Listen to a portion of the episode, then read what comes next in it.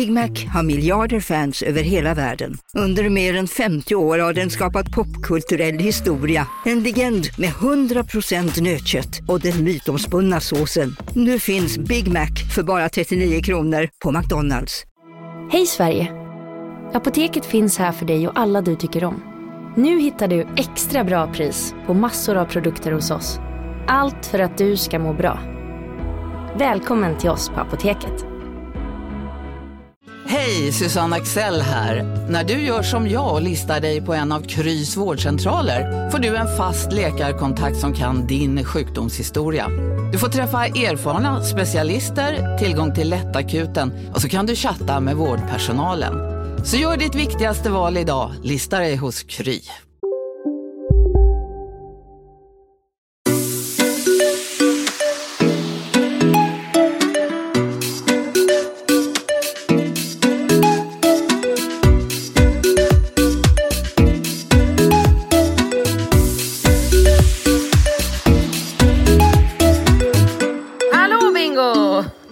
Hallå Katrin!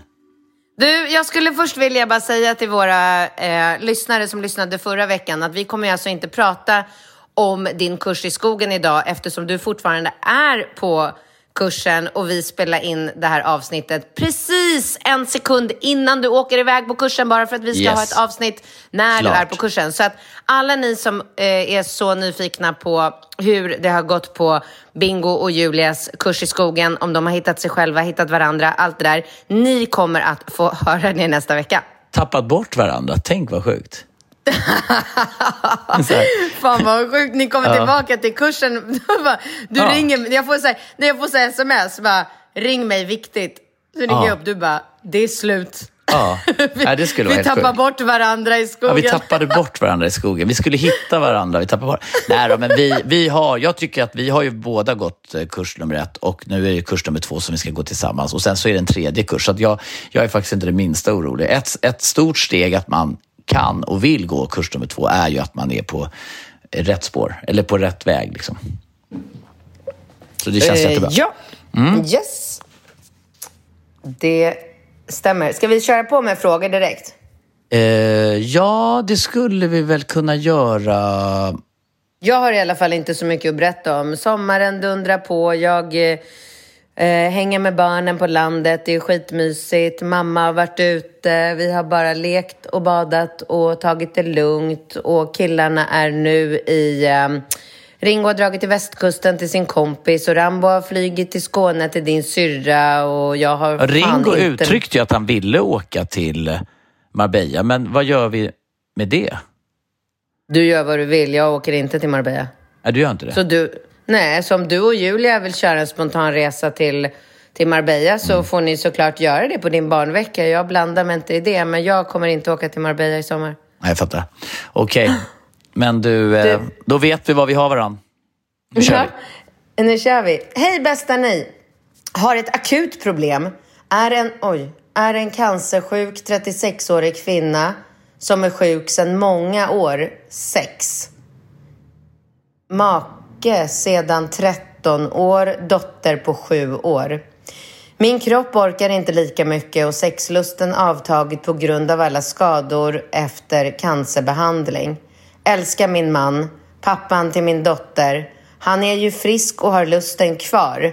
Så detta blir ofta ett problem och jag har sex när jag egentligen inte kan njuta. Hur hade ni gjort? Öppen relation? Separera? Ska jag få veta vem han träffar i så fall? Vill han, vill han ska må bra och vara lycklig så det sårar mig oerhört då vi hade en fantastiskt galet och roligt sexliv innan med rejäla äventyr på klubbar med mera. Märker att det tär på honom och jag vi pratar för sällan, bara låter ekorrhjulet spinna på. Tack för att ni har en podd där ni delar allt och stöttar. Kommer inte bli bättre med mig utan sämre och ser mig leva, åh gud jag orkar, några år till. Förutom sexet har vi lärt oss leva med mina skador och förändringar. Fight cancer och lev livet i nuet. Åh, fy. Hallå? Hallå? Ja, där är ju... väldigt... Eh, det är en tuff frågeställning. Ja. Det är eh, helt omöjligt att relatera till situationen. Jag vet inte alltså vad... Jag ska Men, försöka tänka mm. efter och, och, känna efter. Alltså det, det känns ju som att det är... Ja, hon skriver för sig att hon ser att det tär mycket på honom. Mm. Så att eh, alltså steg ett är väl såklart att prata om saken. Hon säger att de pratar allt för sällan. Så det blir väl såklart som du alltid säger att hon måste lyfta frågan även fast den är jobbig. Och... Nej, jag vet inte. Jag hade nog kanske sagt till min man att han att jag ger honom tillåtelse att ha sex med andra men jag hade nog inte velat eh, ta del av eh, händelserna faktiskt. Jag tror det. Alltså, så, det är mitt svar baserat på att jag egentligen inte kan relatera. Mm. Vad, ja, tror du, vad säger du? Ja, jag, jag, jag, tror, eh, precis som du säger, att ett första steg är ju att, att kommunicera den här problematiken som uppstår. Och om jag utgår från mig själv så hade jag nog också... Jag hade väl försökt att fokusera på det emotionella planet. Alltså att, att stå varandra väldigt nära emotionellt kan man ju göra oavsett alltså den här själsliga och känsliga, eller eh, känslomässiga och emotionella kopplingen som de känner till varandra, den, den, den står ju vid sidan av den rent krasst fysiska, om man säger. Alltså, mm. Om man tänker på sex som ett, som ett toalettbesök så är det ju ett, ett av våra så att säga, behov. Liksom. Gå på toa, ha sex, äta, sova, träna. Alltså, man gör ju saker mm. för att liksom, må bra.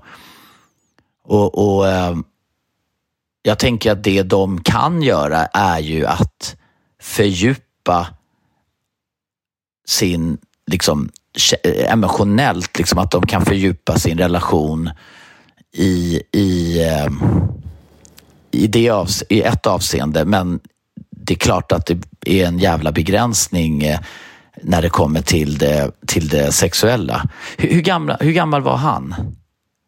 Det, det, skriver hon inte. Hon är 36. Ja, men ponera att han är runt 40. Att... Ja, så att jag menar, det är ju också så här... Den, den, det sexuella behovet. Alltså jag tycker absolut inte att du ens ska fundera på att separera. Jag, tror, jag tycker inte att det känns som att din man eh, ens liksom tänker i de, eh, de banorna. Och, alltså, jag tycker det känns som att han älskar dig och ni har er dotter och han skulle ju aldrig vilja liksom lämna dig Nej. i den... Nej, så det tycker inte jag är ett alternativ. Men, men däremot om du... Alltså jag tror så här, om du säger till honom eh, och verkligen menar att du liksom föreslår att han ska ha sex med andra människor för att du inte riktigt kan njuta av det på samma sätt på grund av det du har varit med om. Det, det är ju ingenting liksom konstigt eller fel i, i att du säger så så kommer han nog till en början att reagera starkt på det tror jag och, och tycka att liksom så här, absolut inte, kommer inte på tal. För, att, för jag kan förstå honom också. Alltså så här, det är inte ditt fel att du har blivit sjuk. Det är inte något du har valt eller eh, något som du kan påverka. Och hade jag varit din man så hade jag nog, eller då hade jag känt så här, det hade ju lika gärna kunnat vara jag som blev sjuk. Så att du ska ju inte på något sätt straffas för det, det som har hänt dig. Och det är så jag tror att han kommer resonera. Och sen så kan du kanske liksom med tiden eh, liksom ta upp det här igen lite försiktigt och, och kanske bara säga rakt ut att så här, ja, det är, inte, det är ingen njutning för mig att ha sex för att jag har ont eller jag har ingen sexlust eller jag, jag har liksom inte det intresset eh, kvar eller inte har det just nu. Mm. Så att han liksom på sikt kanske kan börja liksom förbereda sig på en tanke och så kanske han faktiskt hamnar i en situation där han är med några vänner någonstans eller på någon jobbresa eller vad vet jag vad han har för liv och, och liksom utsätts för möjligheten att ha sex med någon annan och då vet han från dig att att du tillåter det så kanske man kan komma in. Det, det, det, det är så jag tycker att du ska göra. Ja, men absolut. Jag, jag, absolut. Hon, hon, måste ju börja kommunicera det. Men det jag tänker också är också att det kan ju vara så att de kan hitta ett ramverk för hur det här ska gå till. För att ofta är det ju så att det är ju inte liksom den sexuella handlingen i sig som är det stora problemet. Alltså när det kommer till otrohet så tycker jag ju att man ser en, en alltså den värsta otroheten är ju den som man upplever har varit liksom ett känslomässigt svek. Alltså jag tänker typ ibland, och den eventuella förnedring som uppstår när ens partner har varit otrogen och folk vet om det och man är den här personen som inte vet om det själv. Alltså, mm. Förstår jag menar? Man kan bli så här mer upprörd över, alltså så här, oh, att, att min tjej liksom knulla med en annan kille, det var liksom inte det jobbiga. Det jobbiga var att det var bara jag som inte visste om det. Alla mina polare, alla, jag gick runt som den här dumskallen som inte fattade att min, vad min tjej hade gjort. Det mm. brukar ju vara mer smärtsamt, eller det är väl det folk samma sak åt andra hållet, liksom när en kille har varit otrogen så här, då är det ju värre om han är otrogen och dessutom kanske skickar, eller nästan ännu värre om han så här, tyr sig känslomässigt och börjar engagera sig känslomässigt eller skriver massa gullig, du vet, och bara projicerar massa kärlek på den här personen men de har inte gjort något. kan ju nästan vara värre än att han bara, oj, jag blev så jävla packad på en affärsresa, satte på en spanjorska. Ja. Jag vet inte vem hon var eller vad hon hette, men ja. jag körde in Absolut. kuken i alla hål och åkte hem. Ja, ja, Nej, det är okej. Okay. liksom. Jag penetrerar henne i alla hål, men jag vet inte vad hon heter. Hon betydde inget. Eh, jag kommer aldrig mer träffa henne. Men att man har skickat sms och inte ens tagit fram kuken är typ så här, va? Har du haft sms-kontakt med den här tjejen i sex månader och pratat om hur, hur gärna du vill, ty tycker om henne? Det, det, är typ så här, ett större svek. Mm. Och med det som någon slags ja. utgångsläge så kanske de kan hitta ett ramverk. Så jag tänker typ så här att om de nu börja fokusera på att jobba på den känslomässiga tryggheten. Liksom att de bara så här, ligger i flera så här, ligger och tittar varandra djupt i ögonen och lyssnar på så här meditativ musik och bara så här låter sina själar liksom bli besläktade. Liksom, typ som man, du vet att de verkligen så här går till, alltså att de verkligen lägger mer fokus på att liksom du vet, att, att deras själar och ska Men sen skulle, förenas. Jag skulle också vilja tillägga att jag tycker inte att han, om de nu kommer till en överenskommelse där de eh, alltså kommer fram till att han ska få möjligheten eller ska ha sex med andra tjejer så tycker jag verkligen inte att han ska göra det i den stan där de ja, bor. Det var ju precis det jag skulle komma fram till. Det kan ju vara så att hon har en tjejkompis som, kan liksom, som hon vet inte vill försöka ta honom ifrån sig, som hon känner sig trygg med, som kan vara lite så här behjälplig. Så att det kan ju vara tvärtom. Alltså, jag tror att det finns olika typer av lösningar. Den ena lösningen är ju att hon känner sig trygg med att han inte går vidare eller sviker henne känslomässigt. Och då blir det ju viktigt vem det är han sätter på. Och då finns det ju två alternativ. Det ena är ju att det är en person som hon känner sig trygg med. Så här, vet du, jag har en liksom, gammal barndomskompis och vi har liksom haft trekant en gång när vi var unga. och så här, va? Henne kan du fan knulla. Jag vet att hon aldrig hon är kåt och glad och hon kommer aldrig försöka ta dig ifrån mig eller försöka förstöra för oss. Men hon kan liksom vara, hon kan vara ditt toalettbesök om man får uttrycka sig så. Och, och, hon kan känna sig trygg med det. För jag tror att man måste nog känna efter så här, är jag verkligen okej okay med att han på egen hand ska liksom hitta på saker och jag inte ska riktigt veta? Det, det, vissa kanske tycker det är skönt. Du tycker det. Koppla bort, du gör vad fan du vill när du är på, alltså, på utlandsresor så är det inga regler. Eller så har man ett ramverk där hon vet där hon känner så här, äh, men jag vet att han inte sätter på vem som helst. Han har en, en, eh, en, en älskarinna och det handlar bara om att knulla och ha kul. Och hon kommer aldrig Bra. försöka liksom så här, näsla sig in eller försöka ta honom ifrån sig. Hon vill bara ha en knullkompis. Liksom. Ja, alltså tanken slog mig inte ens, men när jag lyssnar på det du säger så, så låter ju det också som en, ja, men då har man, som en väldigt då har man bra ett. Ramverk, för då vet man. Liksom. Uh, det enda jag känner att jag vill eh, undvika i hela den här situationen, det är att folk ska gå runt och prata bakom hennes rygg och kanske inte riktigt veta om deras upplägg och bara, ja, ah, du vet att eh, stackars, eh, vad hon nu heter, ja. hon har ju cancer och går, liksom, behandlas med cellgifter. Om eh, gubben, du, han går ju och pippar med kassörskan på ICA. Ja. Och att det liksom blir så här, bara Nej, det, det, dålig ja. energi utav det. Det var bara ja. det. Men det är klart att antingen ett struckat upplägg så som du precis beskrev, alternativt att han gör det så att det inte kan komma fram i deras liksom närmsta omkrets där de bor.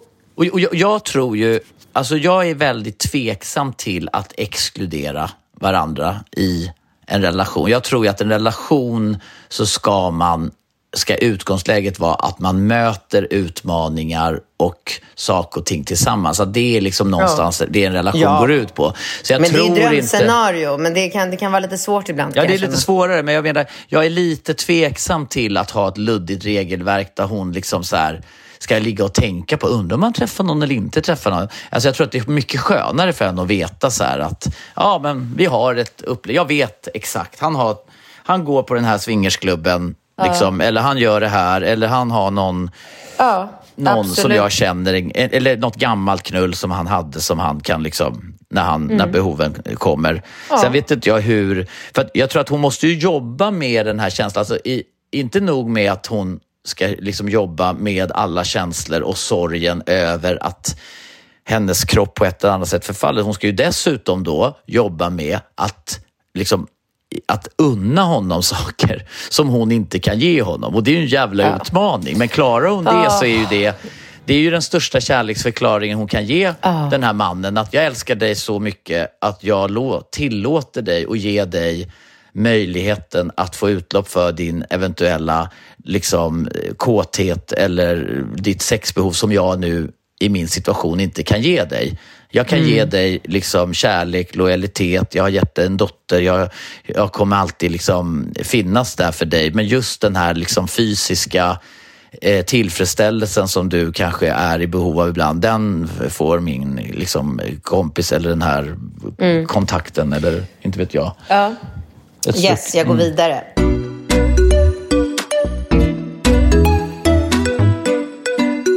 Hej, jag och min man bor ihop och har två gemensamma barn i lågstadieåldern. Min fråga gäller er syn på hur man får till det härligaste familjelivet med tid för både barnen, sin partner och sig själv. Ni pratar så inspirerande om föräldraskapet och om hur era barnveckor handlar om fullt fokus på barnen och samtidigt om hur fria ni känner er när det sen är barnfri vecka. Jag kan tänka mig att det finns många fördelar med det upplägget för både föräldrar och barn. Men borde man inte kunna anamma det i viss utsträckning även i familjer där föräldrarna inte är separerade? Hur hade ni själva lagt upp det om vi leker med tanken att ni två skulle hitta tillbaka till varandra och ni skulle börja leva i en kärleksrelation igen? Har ni några kloka tankar som utmanar det traditionella svenssonlivet?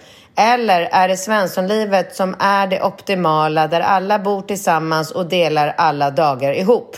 Tack för en bra podd. Alltså jag måste direkt säga att den senaste tiden så har jag pratat med ganska många människor, både män och kvinnor i min ålder som, alltså, där det har varit väldigt kopplat till eh, liksom, fotboll och alltså som i våra... Vi, alltså, jag träffar ju många eh, människor som har samma upplägg som vi har. Det vill säga att man har två, kanske till och med tre barn där alla spelar fotboll på en liksom, eh, nivå där, där det ska satsas. Och då blir det ju, alltså det blir ju ett extremt liv om man som förälder ska känna att man ska närvara på alla fotbollsträningar, fotbollsmatcher, kupper, tillställningar utöver fotbollen. Det är bowling på O'Larrys och det är alltså det och det, det förstår jag helt att det förstör, förgör en kärleksrelation.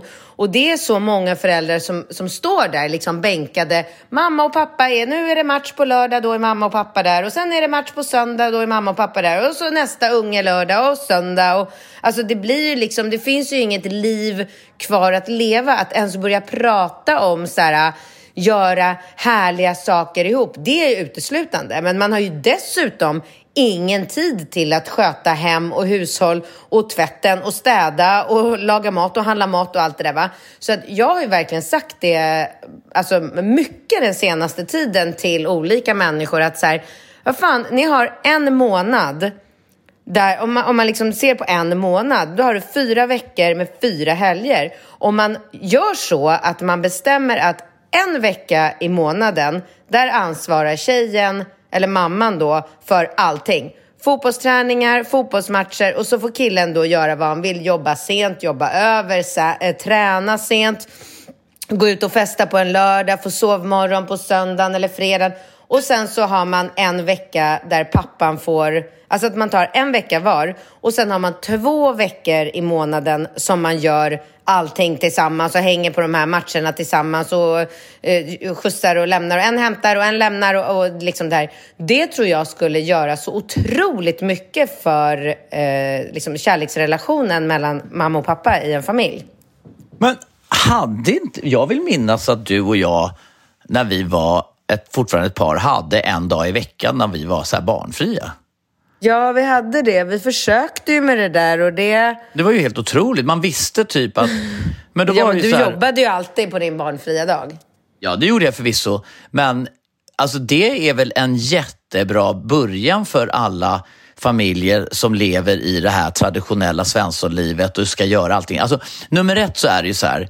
Det är ju en, en eh, det är ju ett problem att alla på något sätt är lite felprogrammerade i den här tanken och idén om att man ska göra allting ihop i en relation. Alltså du var ja, ju verkligen. väldigt mycket så, Katrin. Ja, uh, gud ja. Alltså du var ju så här, det var ju inte, liksom, det fanns ju, va? Vadå? Alltså, om jag föreslog att vi skulle dela upp oss eller någonting, då var ju du helt oförstående. Var så här, men vadå? Vi, ja. va, är man, om man är i en relation så ska man ju hämta och lämna och man ska åka på alla släktträffar. Man skulle bara göra allting ihop. Och det är ju, det, är ju, det suger ju så jävla mycket energi. För det är, ofta ja. är det ju så i en relation att det är fan inte mycket man behöver. Skulle man bara få liksom så här, sova liksom på en annan adress en dag i månaden eller någonting. Alltså man skulle ju ladda ja. upp så in i helvete.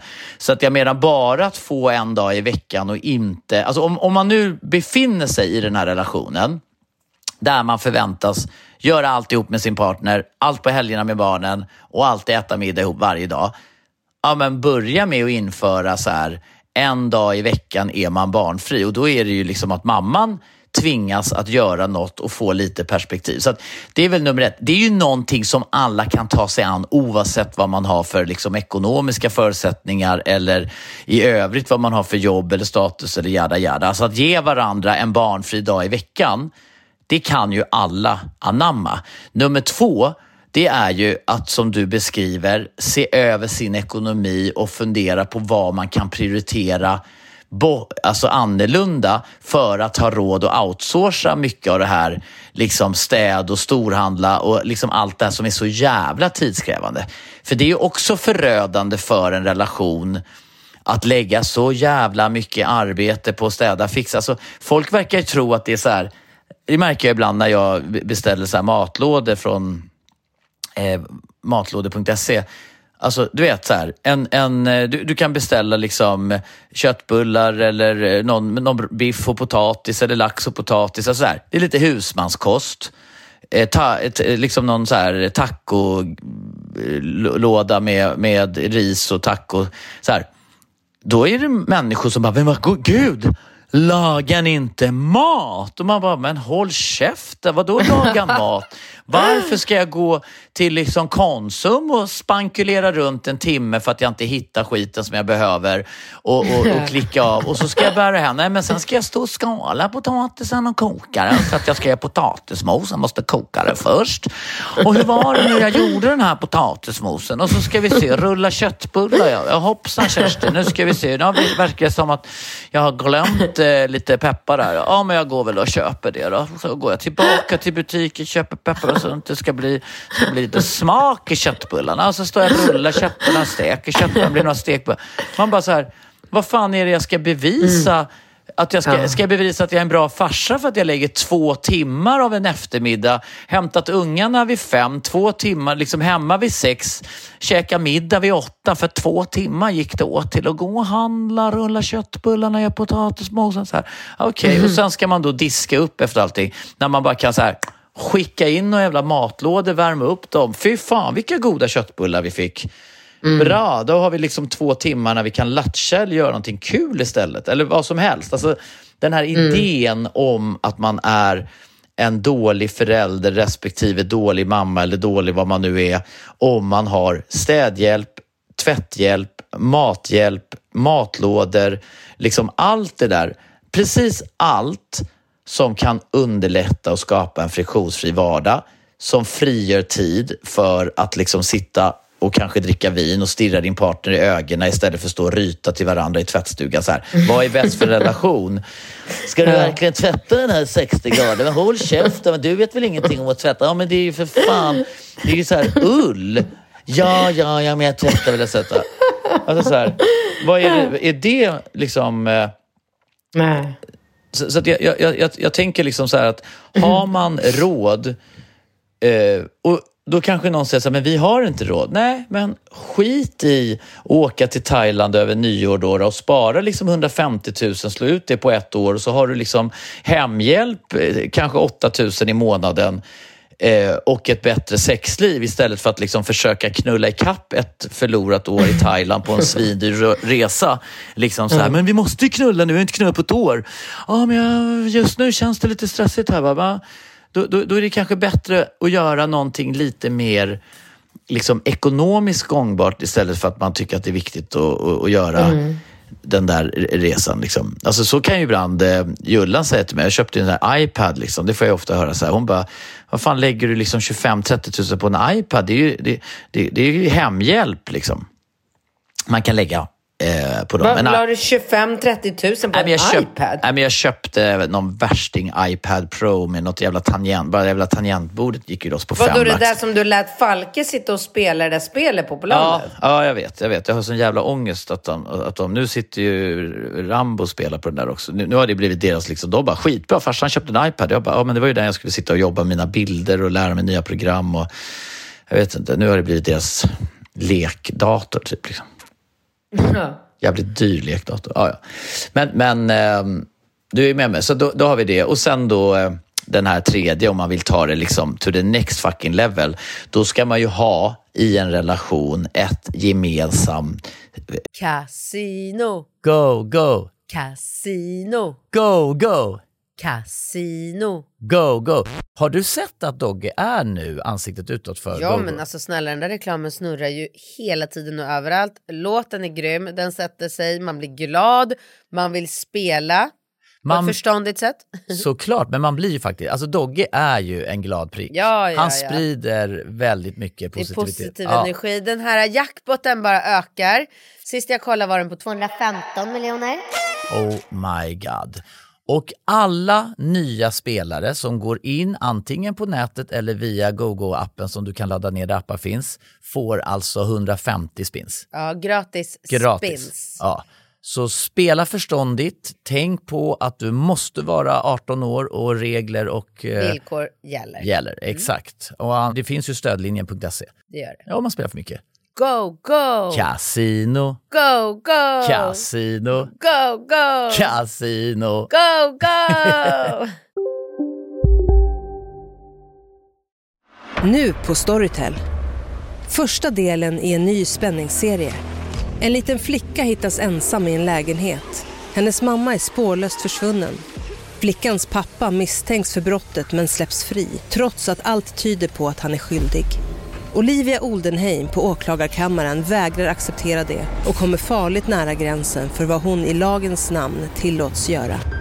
Lyssna på När allt är över av Charlotte Al-Khalili på Storytel.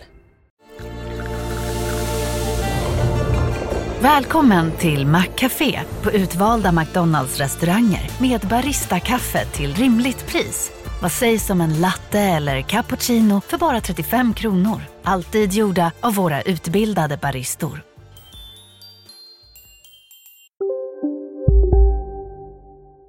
Eh, flyktlya, så att säga. Man har ett ställe dit man flyr från barn och krav och allting. För ibland Alltså är... vänta, man behöver inte ha ett ställe. Det är så mycket bättre att ta in på ett hotell. Det, alltså, det kan fan kosta 1500 kronor och vara skitbra.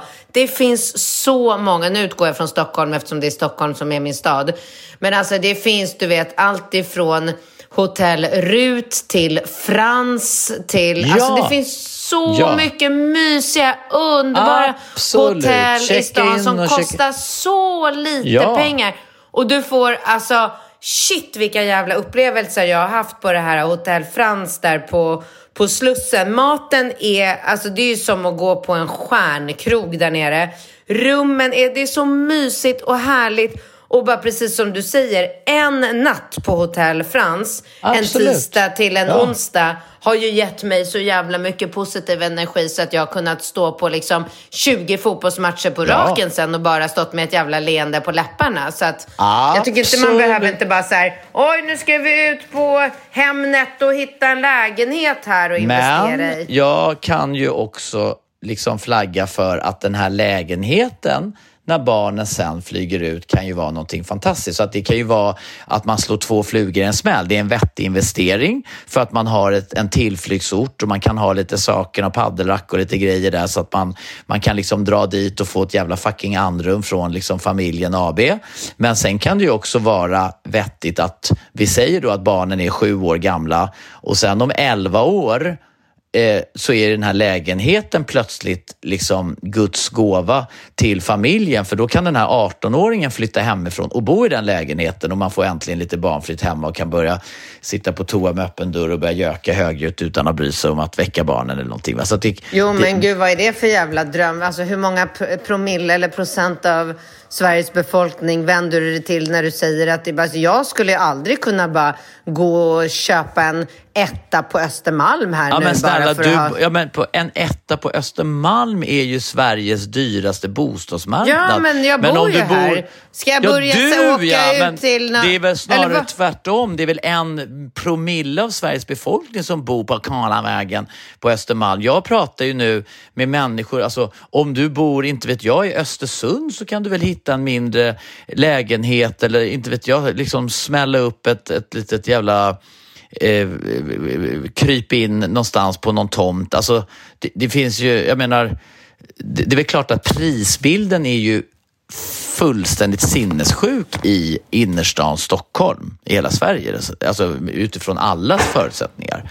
Så att jag jo, menar men jag trodde att man kanske utgick ifrån, jag bor ju där jag bor för att jag bor här utifrån min eh, möjliga ekonomi och att alla människor gör det. Så att för en person som bor i en lägenhet, ett familjeliv i Östersund har ju kanske lika svårt att köpa en etta i Östersund Det på samma sätt som jag har. men, men vi behöver ju inte se alla svårigheter. Vi kan ju se positivt på saken och vi kan ju leka med tanken att du bor i en villa någonstans i en mindre stad som du kan belåna och för de pengarna kan du kanske köpa en jätteliten etta som du kan ha som din tillflyktshytt och som sen dessutom kan bli en investering för dina barn när de ska Okej. flytta Ja, ut. Alltså, absolut, jag, säger, absolut. jag, säger bara det nej, som jag ett bara tycker förslag. att du drar lite, lite stora växlar. Men jag sa ju det. Jag så- sa ju det att det var the next fucking level. Är ju att investera i en lägenhet som kan fungera som en, en flyktplats. Dit man Ja. drar och tänder massa ljus och lyssnar på spa-musik och bara så här...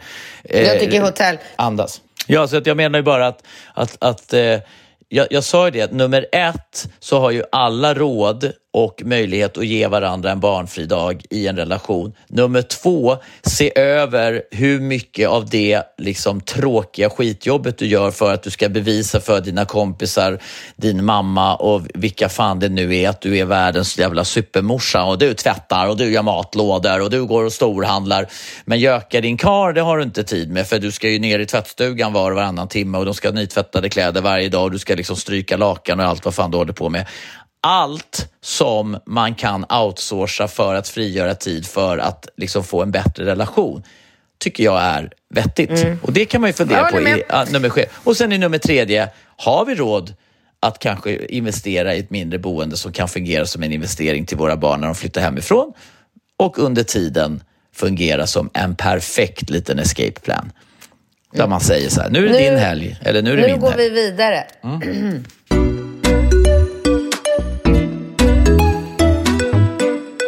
Jag har ett enormt problem.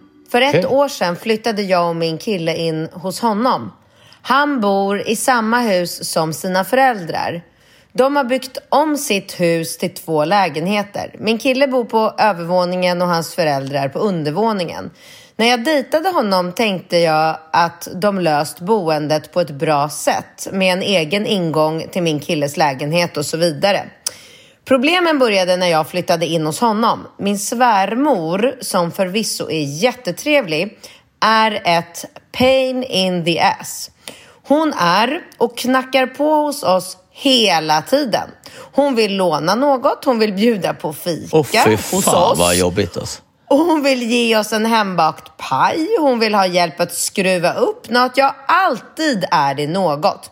Jag har pratat med min kille om det här, men han tycker bara att det är mysigt med att hans mamma kommer förbi. Jag har försökt att se mellan fingrarna, men nu har det här problemet kulminerat ordentligt. I fredags när jag och min kille köpte räkor och vin och skulle ha lite fredagsmys, ja, då kom hon och knackade på. Hon kände doften av räkor och utropade Åh, ska ni äta skaldjur? Åh, oh, herregud. jag, ser, liksom, jag ser typ mig själv i den här svärmor. när jag så här, ah, köper, ett, köper ett hus någonstans så här, när, typ på Lidingö och bara gör exakt det här upplägget och bara ger Ringo hela övervåningen och bara älskling varsågod, här är din egna. Bara, så här, för att bara så här, gillrat värsta fällan. Ah. Så här, en dag kommer han eh, ja. eh, när vi Stackars inte direkt Ringo. bjöd in henne tittade hon på oss som en ledsen hund. Min kille var först bra och vek sig inte för hennes ledsna ögon. Men då plockade hon upp en påse med hembakat bröd och sa Detta blir väl gott i räkorna? oh, då vek sig min kille och bjöd in henne. Men kvällen skulle visa sig att bli långt värre än jag hade kunnat ana. När klockan närmade sig tio på kvällen ville jag gå och lägga mig. För att få henne att gå hem markerade jag tydligt genom att stänga av tvn, släcka lampor, gäspa, plocka undan med mera. Men tror ni hon går? Nej, självklart inte. Hon frågar om min kille vill spela schack med henne men och min alltså... kille svarar ja! jag trodde i alla fall att min kille hade fattat vinken om att jag tyckte det var dags för henne att gå hem, men icke. I ren protest säger jag att jag går och lägger mig nu och då säger hon Gå du och lägg dig, det är okej. I schack kan man ju ändå bara vara två. Åh oh, herregud. Jag går och lägger mig och efter en stund får jag trycka in öronproppar för att stänga ute hennes kacklande och min killes hejarop när han tar en av hennes schackpjäser. Hur som helst så somnade jag till slut. Men så kommer dagen efter. Jag vaknar upp av att det doftar pannkakor. Med glädje tänker jag att min kille ska överraska mig med finfrukost. Jag bestämmer mig för att klä på mig mitt raffset för att överraska honom tillbaka.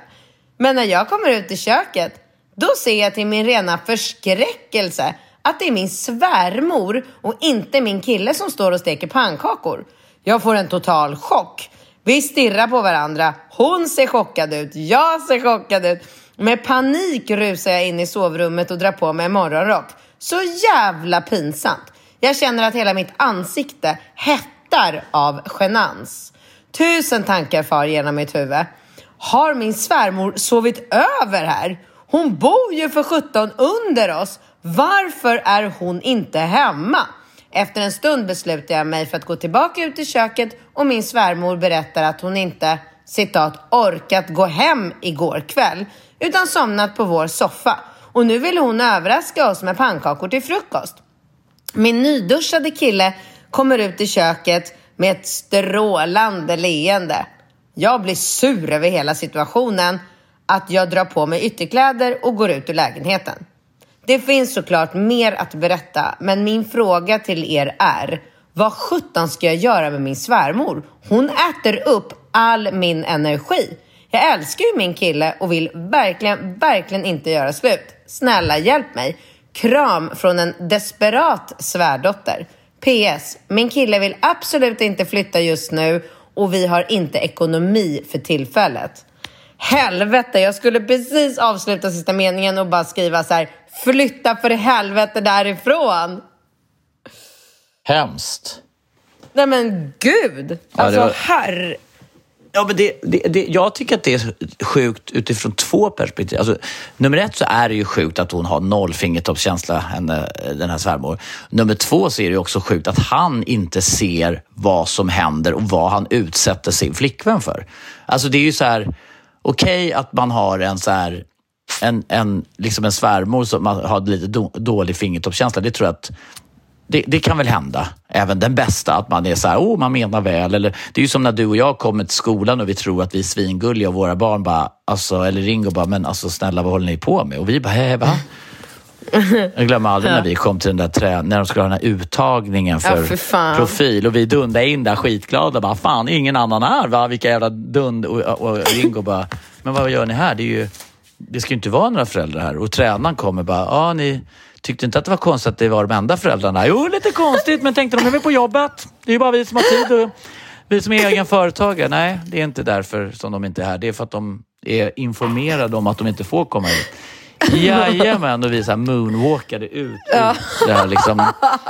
Så jävla pinsamma liksom.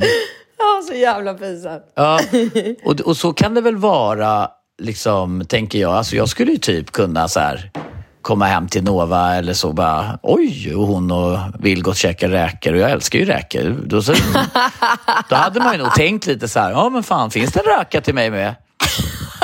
Men jag, jag menar ju, Nova är ju i så fall så pass förståndig att se att, men vänta nu, jag och Vilgot har liksom planerat en trevlig kväll som inte inkluderar liksom min pappa. Alltså det, det ja. hade man ju liksom någonstans här såklart fattat. Ja, verkligen. Eller att hon fattar. Men att han inte fattar, liksom alltså. Men morsan, gå hem för fan. Vi ses imorgon. Jag tänkte göra frukost till min tjej. Han bara, skitbra mamma är här, gör pannkakor slipper jag. Eller vad då liksom? Ja. Det är ju lite skevt att han inte... Men jag tycker inte att det känns som att hon säger tydligt till honom så här Hallå, jag gillar din mamma som fan. Hon är skitgullig. Jag älskar hennes bröd. Jag tycker det är skitmysigt att ni spelar schack tillsammans. Jag gillar allting. Men hon är här för mycket. Hon knackar på hela tiden. Du släpper alltid in henne. Alltså, så här, du måste ju kunna läsa av situationen lite ibland. Så här, ska du och jag ha en mysig fredag med räkor och vin så har ju inte hon någonting där att göra överhuvudtaget. Då kan man ju bara snällt säga så här, vet du mamma, nu ska vi ha lite så här äh, myskväll här, men eh, du, vi kan, kanske köra schack imorgon. Alltså så här, man måste ju kunna, det känns ju som att den här äh, sonen går runt och bara är helt så här inte vågar säga ifrån eller säga till. Och den här morsan ska vi inte prata om. Hon verkar inte ha någon jävla fingertoppskänsla överhuvudtaget. Bara tränger sig på så jävla, jävla oförskämt hur man kan ja. bara så här utgå ifrån att man alltid är välkommen och att man är någon slags tillskott. Skulle hon vara... No alltså, vilken människa fattar inte att man inte sätter sig i soffan med ett par som har dukat upp vin och räkor och är de två bara? Alltså, det hade ju liksom... Alltså, alla tycker jag fattar väl att så här, här har jag ingenting att göra. Jag förstör här just nu. Ja, men jag, undrar, jag undrar vad hon jag undrar vad hon, om du skulle konfrontera den här mamman exakt med den frågeställningen så här. vad skulle hon svara då? Alltså det är så äh, jävla Alltså jag absurt. tror... Nej, men att jag hon skulle säga så så här, hon bara, ja men jag och min son brukar alltid äta räkor. Han vet att jag gillar räkor. Eller är hon bara, Nej, eller väljer jag- hon att jag- blunda för det? Alltså jag tror att det är en kombination av att hon har eh, en väldigt egoistisk eh, personlighet där hon är ursprungligen så här, ja, ja, ja, ja, ja. Jag är fantastisk, jag stör aldrig, jag är alltid ett tillskott. Alla tycker alltid att jag är så kul och trevlig och, och jag kommer med nybakat bröd och vem blir inte glad för det? Och här, alltså så här, det i kombination med att hon har blivit så gammal så att hon inte har något liksom sexuellt eh, liv överhuvudtaget. Jag uppfattade inte om den här pappan bor på nedervåningen eh, med Ja, henne vad eller håller han bor... just då? Pappan borde ju bara så här... Ja, det, det framgick inte om hon bor där själv eller inte. Men fortfarande så här... Eh, vad var det? Jo, det här med att jag tror, inte, jag tror att hon har glömt bort vad en kärleksrelation är. För att hon, det var så länge sedan hon själv levde i en kärleksrelation så att jag tror inte ens att hon tänker på att så här, nu har de en myskväll där de ska dricka vin och äta räkor och förmodligen så är det någonting som brukar leda till att man kanske har sex med varandra för att det blir Ja men det blir den stämningen. Jag tror inte hon fattar att hon bara dundrar in och bara så här repar skivan liksom när hon klampar in där, sätter i soffan och börjar slurpra på liksom räkfötter. Eh, fötter. Alltså, jag tror inte det. Så jag tror att det är absolut jätte, Tänk om hon bara... jätteviktigt att. Och, tror att hon till och med frågade så här, kan, kan du bara skicka våtservetterna till mig där? Alltså förstår du när hon ber om våtservetter också för att hon har käkat så mycket räkor att... Ja, det vet jag inte. Men, eh, men jag, jag, jag tror att det absolut är jätteviktigt att den här eh, eh, alltså, hunsade stackars lilla gossen bara säger till sin mamma att så här, mamma, vi, vi är för det första väldigt tacksamma över att vi får bo här. Vi trivs jättebra och eh, våran ekonomi Eh, för vår ekonomi så är det här verkligen en räddning och du, eh, du är helt otrolig som har gett ifrån dig halva huset eh, för att vi ska ha ett trevligt boende och allting är, är superhärligt och, och glatt. Men vi behöver få lite mera privatliv. Så att, kan vi inte bara hädanefter göra så att vi planerar lite vårt umgänge att så här, på söndag då kanske du kommer upp med nybakat bröd och så äter vi något gott och så spelar du och jag schack och så kan eh, min flickvän kanske gå ut och ta en joggingtur då eller gå och träffa en kompis eller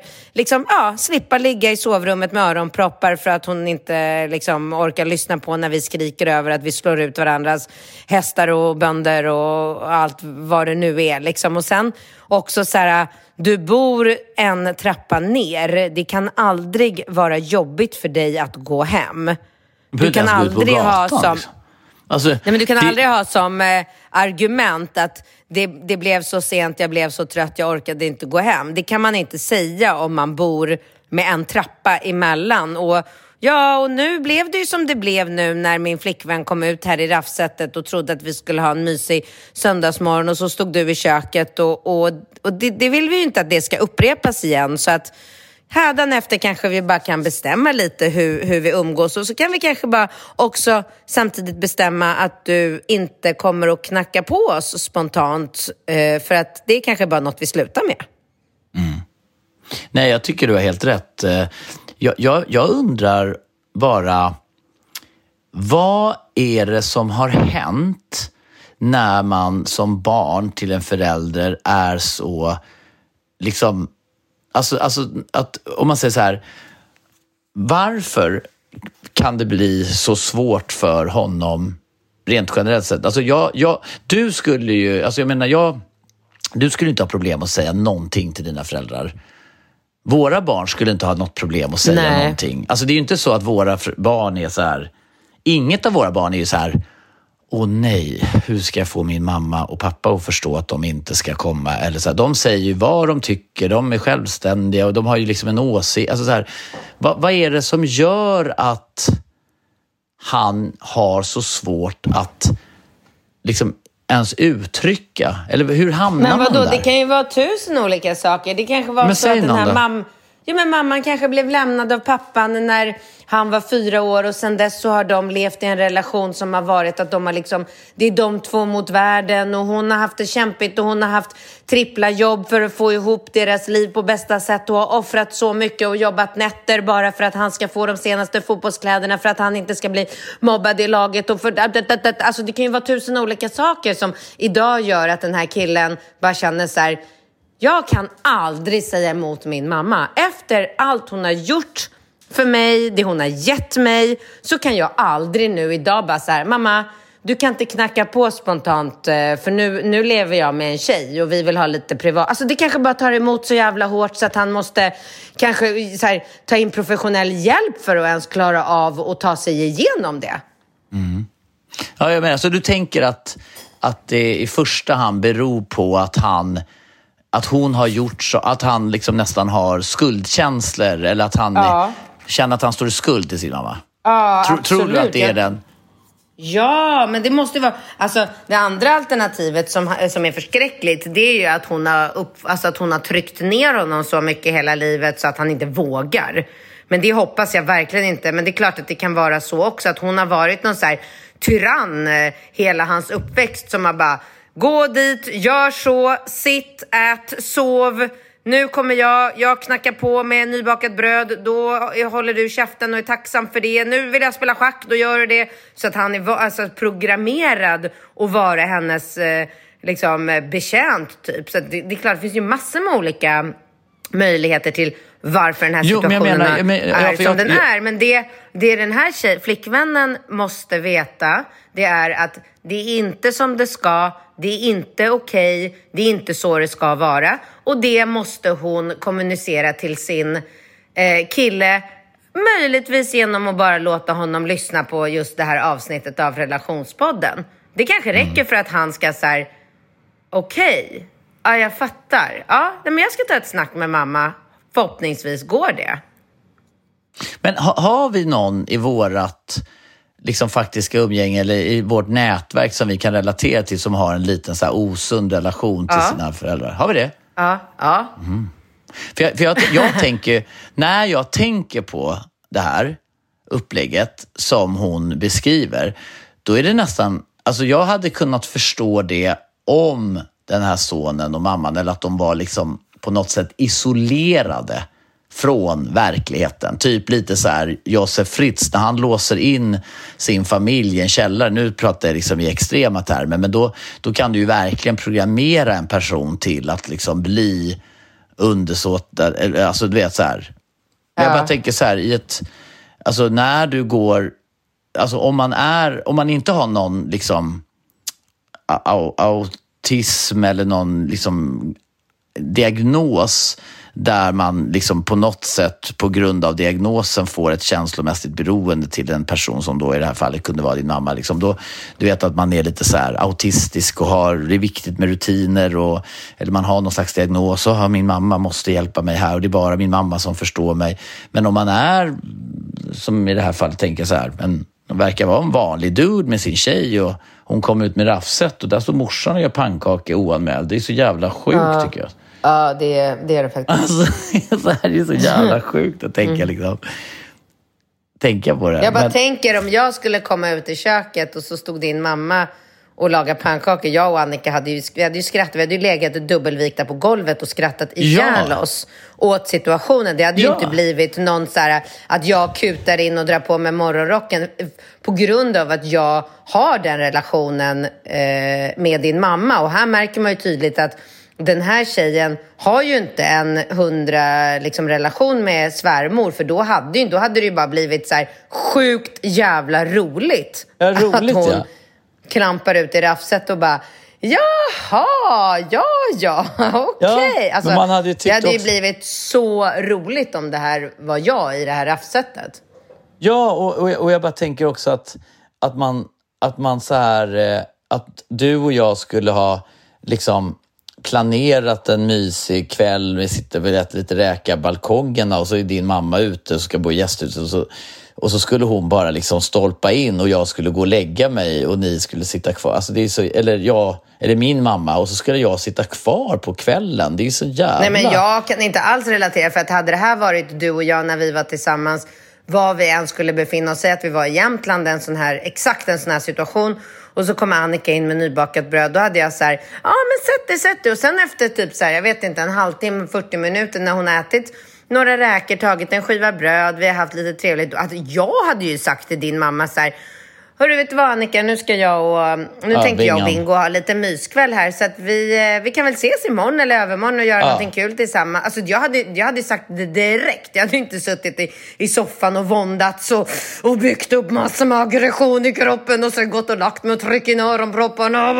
Alltså. Nej, det är så jävla, det är jävligt sjukt också att att vara honom och bara se sin flickvän som man satt och räkor med. Bara, bara, ja, du går och lägger dig. Jag sätter mig och spelar schack här med min, äh, med, all, med min alla beter sig konstigt i den här situationen. Ja, det är jävligt udda. Det är, det är, måste nästan ha en liten uppföljning på det här. Eh, ja, det vore kul om du kunde skriva in till oss igen.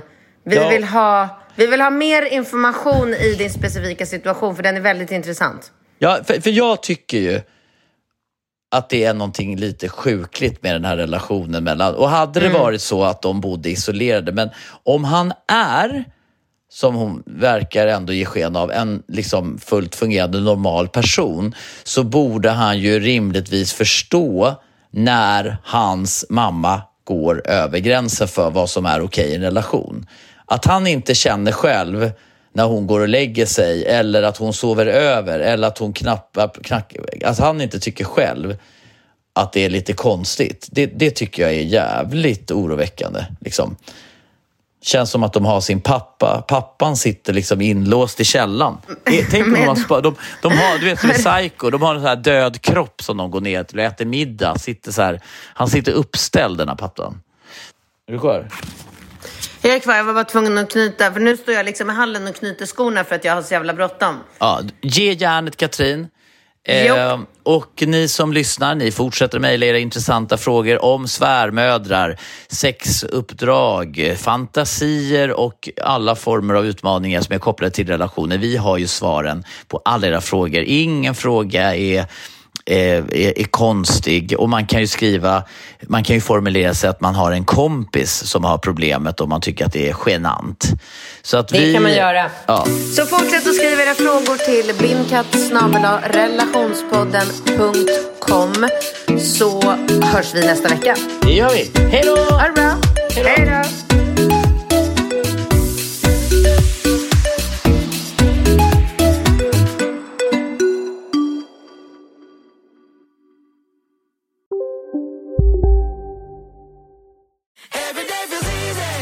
Medlem hos Circle K är livet längs vägen extra bra.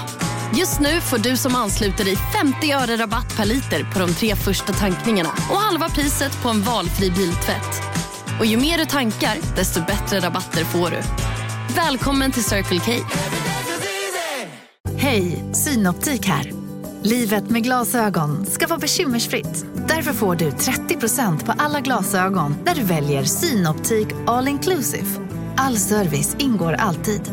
Välkommen till Synoptik. Kurrar det i magen och du behöver få i dig något snabbt? Då har vi en Donken deal för dig. En chicken burger med McFeast-sås och krispig sallad för bara 15 spänn. Varmt välkommen till McDonalds.